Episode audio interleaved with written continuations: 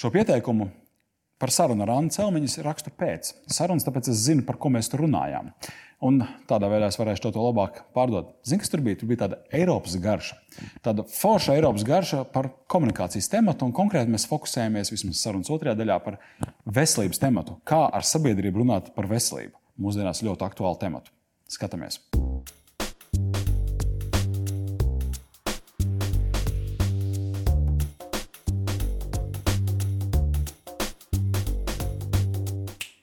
Anna šodien uh, gandrīz uz interviju atnāca ar dažādām kurpēm, viena zila, viena melna, bet tomēr dienas vidū izlēma šo efektu, defektu labot. Tad mēs, pat ne mēs, es aizdomājos par to, uh, kā ir komunikācijā. Vai sanāk profesionālo lomu pildot, plānojot komunikācijas stratēģiju, kādreiz iepīt kaut ko tādu, kas it kā izskatās nejauši, bet patiesībā ļoti smalki izplānots, vienkārši lai pievērstu uzmanību. Tā būtu ideālā stratēģija. Tas būtu tas, tas, būt tas, uz ko pavisam, man liekas, vajag tiekties. Uh, mēs nesen ar kolēģiem runājām, ka mēs dzīvojam mazliet tādā reklāmas konservatīvākā laikmetā nekā tas ir bijis iepriekš. Lai gan viss skanu laus mums liecina par to, ka radošums būmo, bet ņemot vērā to, ka uh, klienti grib turēt rokas pulsu, ņemot vērā to, ka dati šobrīd valda par uh, radošumu bieži vien, tad šādas neplānotas kustības eh, mēdz eh, iztrūkt vispār šajā lauciņā. Es, es pat gribētu, lai viņi ir vairāk. Tāpēc to vienu zilo, vienu melno kurpi skaidrs, ka mēs vienmēr mēģinām viņu iesmaglot. Uh, bet kaut kur mēs visi esam kļuvuši mazliet pareizāki nekā es. Es, es sajūtu, ka es tajā reklāmas la, uh, lauciņā iegāju drusku par vēlu. Es gribētu to pieredzēt, to pie stendinieka pastrādāt, tur, kur varēja bišķiņu vairāk trakot un darīt lietas, kas ir absolūti neordināras. Tu pieminēji datus. Uh datiem tiek klāts arī pats klients. Tad uzņēmuma zīmola, produkcijas turētājs, reklāmas pasūtītājs, tas, kurš pasūta to muziku. Tad viņš viņam pieeja visām notīm, visiem akordiem. Tā sanāk. O, jā. Kam viņam aģentūra tad gal galā?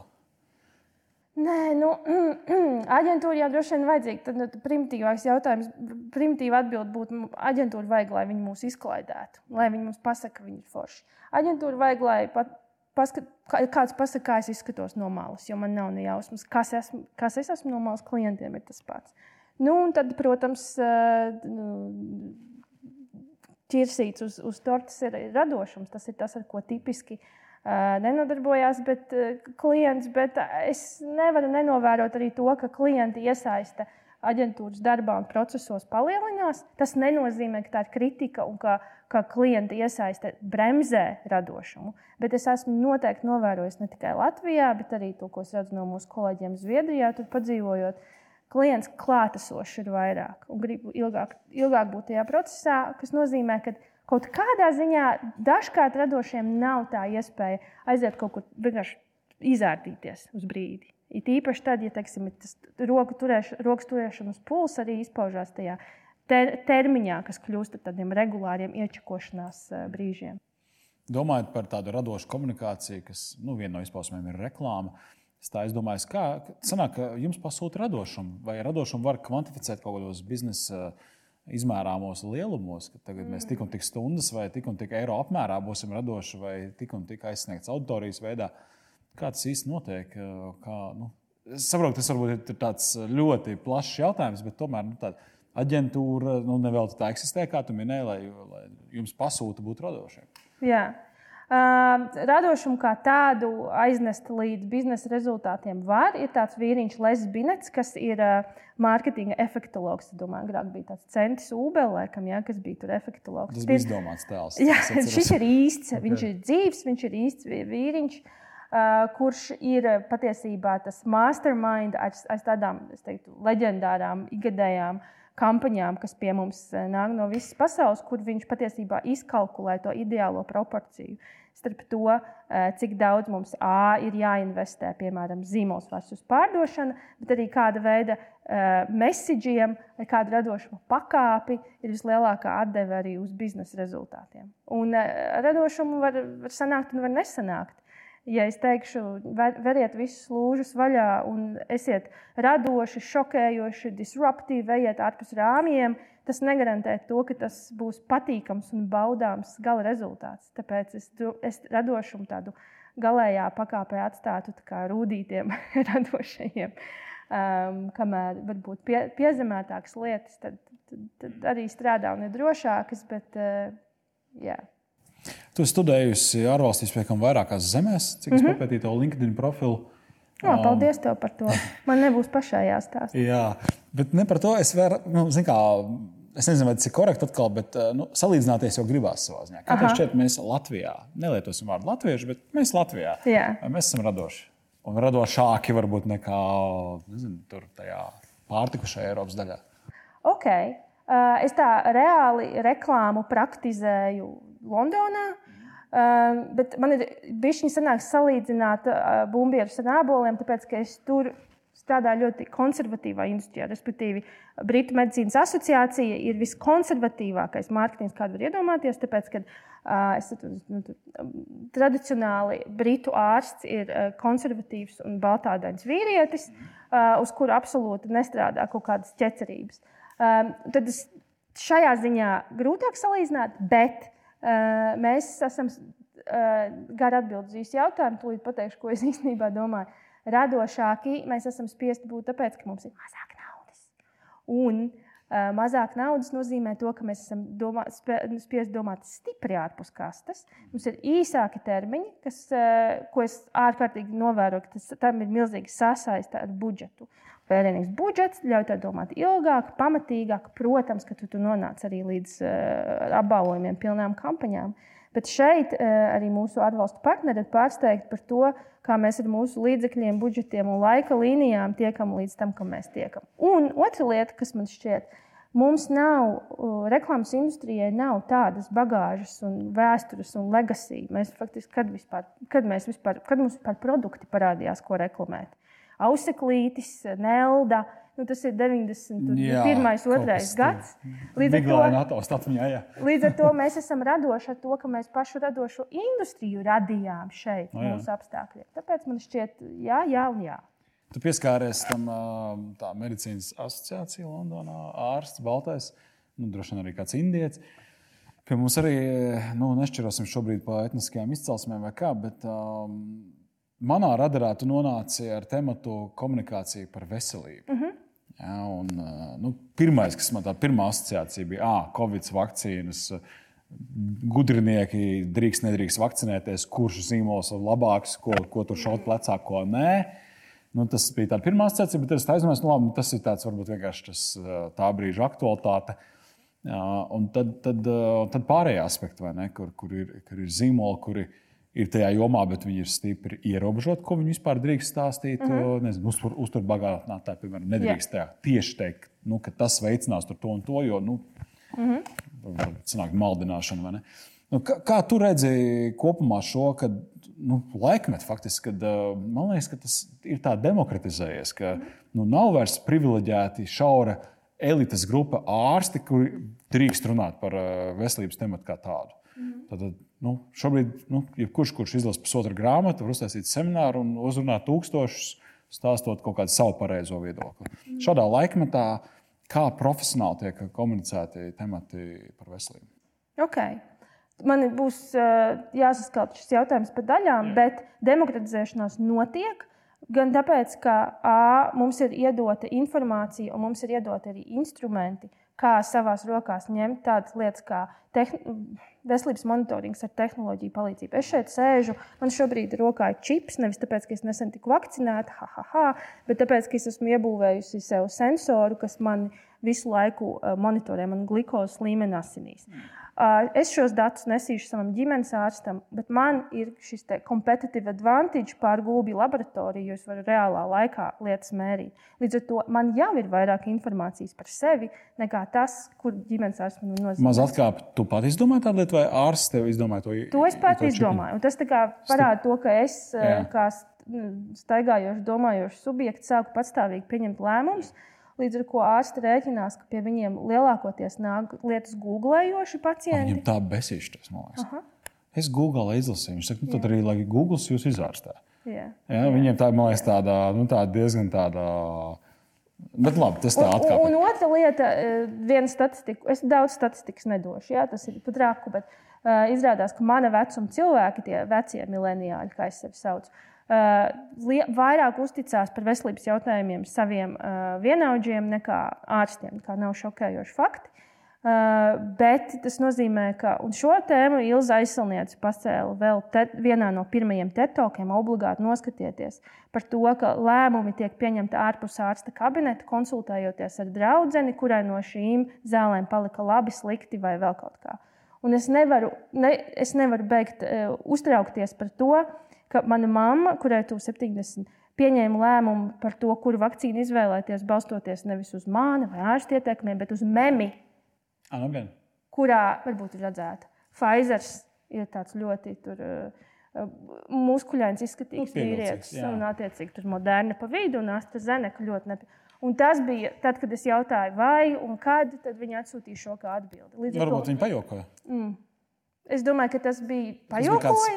Krietnes piliens viņas lēmumā. Bet es domāju, ka šīs visas lietas ir. Respektīvi, demokratizēšanās notiek tāpēc, ka informācija, tāpēc, ka mēs visi esam ļoti gudri. Uh, Tāpēc, ka mums šķiet, ka ārsti ir nepieejami, kas viņi bieži, bieži vien ir, bet tur es neiešu. Un tāpēc arī mēs redzam no datiem, ka katru gadu pieaug arī šis veselības monitorings caur tehnoloģijām. Un viņš, eh, viņš vienlaikus ir eh, gan nu, iedrošinošs, gan arī kaut kādā ziņā biedējošs. Tad tu apēji to, kas patiesībā šo jomu ir studējis. Parunāsim par to tavu mammas gadījumu. Nu, tā abstraktāk, protams. Mm. Es domāju, es ceru, ka viņi neskatīsies. Kā cilvēki pieņem tos lēmumus. Un, uh, Bet viņi pieņem ar tādu kaut kādu bego jaudu. Mm. Tādu, nu, es domāju, jaudu, nu, ka viņi tādu, nu, tādu milzīgu pārliecinātību, man liekas, lielāku nekā, ja viņiem būtu eksperts teicis, nu, kas, kas būtu tā kā normāli. Man ārsts teica, ka šis ir labāk. Tagad, nu, labi, tad uh, internetu mēmē un tā, bet nu, tas ir tāds. Uh, Bet tas, kas man likās interesanti, ko teica par tiem mileniāļiem, kas šķiet arī es esmu. Nu, es neatceros precīzi. Jā, jā viņi tur laiku ir. gads. Vēl nu, pēdējais vilciens vagons. Nu, tad, tad tu teici, ka es vairāk, statistiski vairāk uzticos uh, saviem vienaudžiem, savam burbulim, nekā autoritātiem ārstiem. Kas ar to zēpaudzi, par kur arī tu esi runājis publiski, arī pētījusi, arī kā viņus var aizsniegt zīmolu un tā tālāk, kas ir tie nu, 15, 25 gadīgie. Ja? Kam viņi uzticās vairāk? Uh, man nav dati, ko tev par šo parādīt. Nu, bet, sajūts? Uh, Viņi ir tā paudze, kuri tiešām ir rīktīgi faktu, faktu čekotāji. Ja? Tā tad viņi nepierīks, ka tur kaimiņš vai, vai saka, draugs pateica. Viņš tā kā dubultā. Jā, es domāju, viņ, viņu atbilde būs tomēr iegūglēt. Nevis tas teica, vai šis teica. Tas ir nu, tomēr... Tur izlaiž tā mēmē, kas nu, vienkārši ir populāra. Tad, tad, tad tas ir atkarīgs no viņa okay. iz, izglītības līmeņa. Es... Nu, labi, mēs aizgājām tādā kā, nu, kā, kā masas uh, domā funkcionē. Ejam atpakaļ uz to tavu pamatdarbu, faktiski zīmoli. Nopietnas organizācijas, lieli budžeti, nu, vai mēreni budžeti, kā Latvijas gadījumā, un, un veselības komunikācija. Kas notiek šajā lauciņā? Un, uh, nu, ņemot vērā to, ko tu teici, kā domā miljonāri, kā zepaudze un galu galā kā pārējie.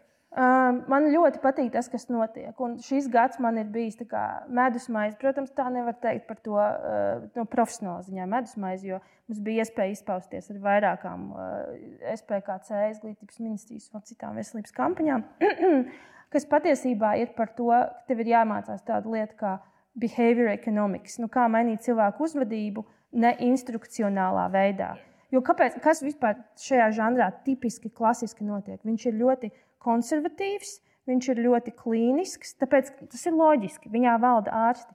Uh, viņš ir uh, uz instrukcijām balstīts. Tev ir jādara, uzvelc, novelc, mazgā, nemazgā, uh, baidies, nesmēķē. Un cilvēki ir ļoti, nu, tā kā panintended, imūni pret to, ka viņiem kaut ko liek darīt. Un, eh, un tad vēl viņš mēdz būt ļoti, ļoti biedējošs. Es nezinu, asins recepļi, eh, pie cigarešu dūmi. Un, un, un mums tā dabiskā reakcija, it īpaši ar covid fonā, ir vienkārši norobežoties no visa tā. Un tāpēc arī man liekas, tas, kas ir bijis interesants pavērsiens šogad, ir veidot šīs kampaņas gan caur pozitīvu prizmu, gan caur neordināru prizmu, gan caur nu, kaut, kaut kas tik vienkāršs kā mājas ziepes divi metri, kas tapa kas ir nu, mantriņa, ko tu vari bišķiņi iemācīties, kas tapa balstoties uz atsauci, ko NHS Anglijā lieto jau sen gripas sezonā, kas ir catch it, kill it, bin it, kas kļūst par tā kā catch it, nu, tā kā tu šņau, šķaudi, uh, nogalini bacili, iemet viņu. Un, tas ir tas, kā, ko visi. Tas, Tas, ko es teiktu kritiķiem par to, vai tiešām vajag katru dzies, lietu pārvērst dziesmā, nē. Uh, bet otrs piemērs, teiksim, veselības ministrijas paldies kampaņa, kas arī ir balstīta domā par to, ka, es nezinu, kāpēc man tie angļu šodien daudz uz radara ir, bet tur tas, tur, tur tas piedzima. Viņi saka, thank you for not smoking savā komunikācijā. Viņi saka, thank you for using the elevator. Tas ir mazliet tur, kā, viņu tonis, ja, kā briti runā. Šajā gadījumā arī mēs teicām, paldies, ka tu neapciemo vecmani. Paldies, ka... Respektīvi, mēģinot izvairīties no instrukcijām, no baidīšanas, no mm, racionāliem faktiem, kurus vajag. Pasakies, es nesaku, ka viņus nevajag. Bet viņi dzīvo jau e, politiķu izteikumos, PR, viņu ir daudz. Bet mums ir nepieciešams dabūt to uh, emocionālo sasaisti. Mm. Es pamanīju, ka es personiskajā komunikācijā kļūstu mazliet uh, nīgrs un tāds. Uh, gražīgs brīdī, kad man nākas saskarties ar tādu, manuprāt, stulbumu vai tādu izteiktas kaut kādas nekompetences demonstrēšanu brīdī, kad cilvēks, nu, balstoties uz mēmu vai varbūt uz kaut kādu pusotru izlasītu rakstu, nosacīt runājot, viņš, viņš saka, nu, tur tā vakcīna labāk par to vai tā. Un es viņam pretī jau tādā gan jau agresīvā veidā saku, visas tās pārējās vakcīnas, kas ir tavā pošu pasē, tu vispār kaut vienai zini ražotāju. Tu kaut vienai zini tehnoloģiju, nu, kā tas ir. Un cilvēks tajā brīdī apstulbs, un viņš saprot, uz ko es velku. Ja? Nu. Tas ir, nu, ir nonsens vienkārši. Un, un es vienkārši domāju, kā ir būt tajā, nu, ja tavs darbs ir tā, tā komunikācijas stratēģija un arī tā, protams, tā ieviešanas fāze un viss tas. Nu, kā ir, ka tu, tu dari jā, to visu, un tu vienalga redzi, ka ir tas atsitiens atpakaļ, ka kaut kāda nu, pamatīga sabiedrības daļa ir nu, ietiepusies, varbūt pārgurus un vēl kaut kas, ka vienkārši nu, nu, neiet tas, tas vēstījums cauri. Ja to taču var nomērīt, nu, vai vismaz tādā sajūta līmenī saprast. Ar faktiem nevar uzvarēt. Es uzskatu, no, nu, vārds, ideāli būtu, ka mēs varētu ar faktiem uzvarēt. Tāpēc mēs. Tā ir provokācija. Es, es tur mēģinu cilvēkam provocēt kritisko domāšanu. Kāpēc tu Good tagad luck. jautā par ražotāju? Kāpēc tu nu, encefalīti potēji zini savu ražotāju? Mm. Jā, viņš vispār nav padomājis tik tālu. Nu. Mm. Un tad viņš saka, tā, ka Bet, bet es sapratu, ka tas izraisa, tur, tur rodas tāda negatīva enerģija tajā komunikācijā. Tas nekur arī neved. Es domāju, ko es daru nepareizi no komunikācijas viedokļa. Un, un, un kas es esmu, lai pateiktu, ka vakcinēties var? Nu, darīt tāds, nu, tur jābūt. Bet es domāju, nu, kā. Okay, tad, tad tāda didaktiskā nesmēķē nestrādā, vai jā, nu, jā. sāk strādāt ar vien švakāk, kad cilvēki nu, varbūt kļūst vienkārši norobežojas. Šodien norobežoties ir viegli. Es vienkārši izslēdzu tevi, unfollow, ja? Jā. ieslēdzu nu, kaut kādu citu, kas man, manam viedoklim atbilstošāks. Man liekas, ka ar pasauli viss ir kārtībā. Mm -hmm. Mm -hmm. Tas tāpat kā to ne, nu, nebrauc dzērumā. Tu vienkārši kā, okay, es, es zinu, ka nevajag, bet tev vajag citu, caur kaut kādu citu viltīgāku leņķi tur nonākt. Un tad, eh, kāpēc es nesaku, ka divu miljonu iemeslu, vakcinēties, kas šobrīd ir mūsu radītā veselības, kampaņas, veselības ministrijas kampaņa, ir ģeniāla. Bet tā stratēģija tur bija. Es nesaukšu viņus par antivakcīniem. Cilvēki, kas ir pret vakcināciju, viņiem ir da, gana daudz dīvaini argumenti, kāpēc nē. Un tad mēs novērojām to, ka cilvēki, kas ir par vakcinēšanos, bieži vien aprobežojas ar vispārīgiem izteikumiem. Tāpēc, nu, tāpēc, ka to vajag, bet tāpēc, ka tas ir vienīgais veids, bet tāpēc tas ir pareizi. Uh, Uh, tad mums likās, ka ir jārada ļoti, ļoti, ļoti daudz emocionālu iemeslu vakcinēties. Mm. Tostarp arī tādi, par kuriem kāds nebija aizdomājies. Kur viens no maniem mīļākajiem ir, kur viens no kampaņas cilvēkiem teica, nu, es, es negribu noķert long covid, tāpēc, ka kāds, no, kāds man zināms. Uh, vīrietis, sportists nevar tikt uz darbu jau trīs mēnešus. Tad tu padari to sarunu niansētāku un personiskāku. Uh, kamēr tu paliec tikai tajā, tur, nu, tur nezinu, miruši bērnu šūnas ir vai nav, nu, aizvest to tomēr līdz, līdz personiskākām lietām. Es nezinu, man liekas, ka tu nenoticēsi tam, ko es teicu. Bet, nu, labi. nē, es klausos uzmanīgi. Es mēģināju arī atcerēties stāstu. Es atceros savu nozares brāli Valdu Melderu, kurš kamerē acīs skatoties, kā jau uztrenēts cilvēks saka, es gribu ātrāk tikt atpakaļ. Nu, normāli vadīt. Jā, tas bija viņš, par ja? ko es runāju. Jā, jā, jā, jā, jā. Viņš, un, un es domāju, nu, arī nostrādāt tas, ka mēs esam nu, pazīstami personīgi. Tad es domāju, fuck, jā, es arī gribu. Es arī, es arī nu, negribu to, ko viņš negrib. Un tad man tas saslēdzās. Jo, nu, nevēl jau nu, tas jau ir pētīts un pierādīts, ka cilvēki pamatā lēmumus pieņem emocionāli un pēc tam viņus racionalizē. Un tad viņiem šķiet, ka viņi ir racionāli pieņemši lēmumu. Tā skaitā pār vai pret vakcinēšanos vai jebkuru citu nezinu, medicīnas lietu, operēties, neoperēties. Iet, iet preventīvi, labot zobus, vai tikai tā, kad sāp. Nu, tie ir ļoti bieži tieši emocijās balstīti. Jā, un tāpēc viss tā doma tur bija saražot tik daudz, lai tu ieraudzītu kādu, kurš tev liekas kaut cik sakarīgs. Tev, nu, kas nav kāds, kurš tu, kuru, kuru tu aktīvi heito, vai ar kuru tu neasociējies, vai kurš pārstāv ne tavas vērtības, un tad ieraudzīt viņa iemeslu, un tas vienkārši tevi tādā veidā sasniedz. Vai tas e, strādā? Es domāju, vislabākais veids, kas strādā, ir, es biju skeptiska, bet visas manas draudzenes apkārt pamazām sāka vakcinēties. Nu, tad es arī. Un tas ir vienkārši tas nu, pūļu spiediens, kas mums paralēli notiks. Nu, tur arī kaut kāds mini stāstījums bija tā, tagad ir tā, un tas ar mani notika tāpēc, ka cilvēks var to asociēt ar sevi un, un attaisnot varbūt savu kaut kādu viedokļu maiņu. Ka, jā, nu, redz, ka cilvēks pamainīja viedokli, arī var pamainīt viedokli.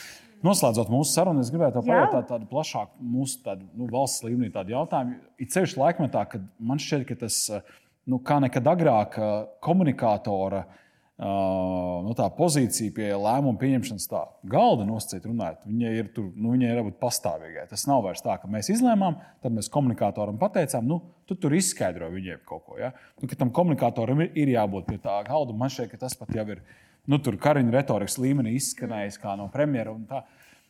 un, es, un es domāju par to valdības komunikāciju, lēmumiem, netika veiksmīgiem lēmumiem, kas nu, izraisa kaut kādu sašutumu un tā.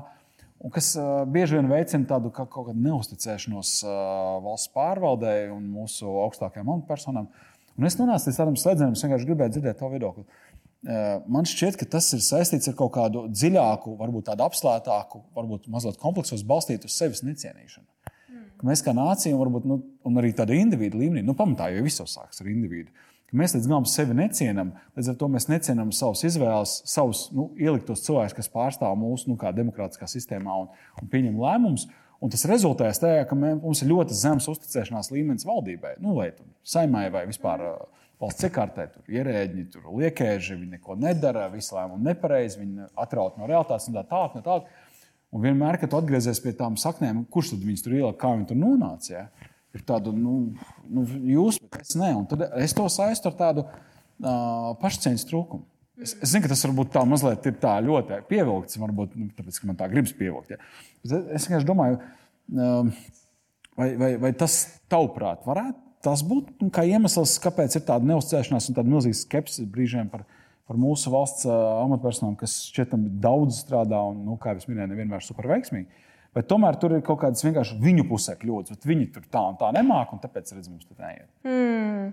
Es domāju, ka mēs vienkārši projicējam savu neapmierinātību ar dzīvi. Tad mēs, mums nepatiks neviens. Ja, es, ja man ir slikts uh, garšstāvoklis un es ieslēdzu rādio, man nepatīk neviena dziesma. Pēc tā es secinu, ka man ir slikts garšstāvoklis. Nē, pēc tā tu secini, ka es stulbu radiostacija. Uh, Viņi nemāķi izvēlēties labu muziku. Jā. Bet tad, nu, komunikatoriem ies labāk Tad, kad nu, tā auditorija atvērta, priecīga, atpūtusies, un, Jā. un, un, respektīvi, vien, viens piemērs, es negribu beigt, man ļoti īsi. Uh, Dotcom burbuļa tajā laikā ASV uh, viņi izdarīja vienu lietu. Viņi pieslēdza pērtiķi, kurš meta šautriņus uh, uz, lai pastītos, ku, nu, pie, uz tā bāzes viņi pieņēma lēmumus, kurās akcijās investēt. Okay. Uh, viņ, viņš bija viens no top 20 veiksmīgākajiem investoriem tajā brīdī, tāpēc, ka tirgus bija augošs. Mm -hmm. Tur gāja ļoti labi. Tur nevarēja nošaut greizi. Uh, pēc tam gan pērtiķim, gan visiem cilvēkiem gāja sliktāk, tāpēc, ka dotcom burbulis plīs. Tas, ko es ar to gribu pateikt, ir, ka mums metot tās šautriņas, kā komunikatoriem, vienmēr ies labāk, tad, kad tur ārā cilvēki ir atvērti, priecīgi, laimīgi, ne, ekonomiskā situācija ir fina Covid ir kaut cik beidzies, un tā ir pateicīgāka augsne, kurā vispār laist savu mēsīju. Pretējā gadījumā mēs vienkārši šobrīd jau ir tas, tā fāze, kad mēs tikai domājam, nu, ar cik lielu heitu mēs rēķināsimies. Mūsu nolinčos pavisam, mm -hmm. vai kāds tomēr sadzirdēs. Un šis ir tādā ziņā ļoti izaicinošs, bet interesants posms. Jā, super. Paldies, Lielas, par sarunu. Bija ļoti interesanti. Man arī.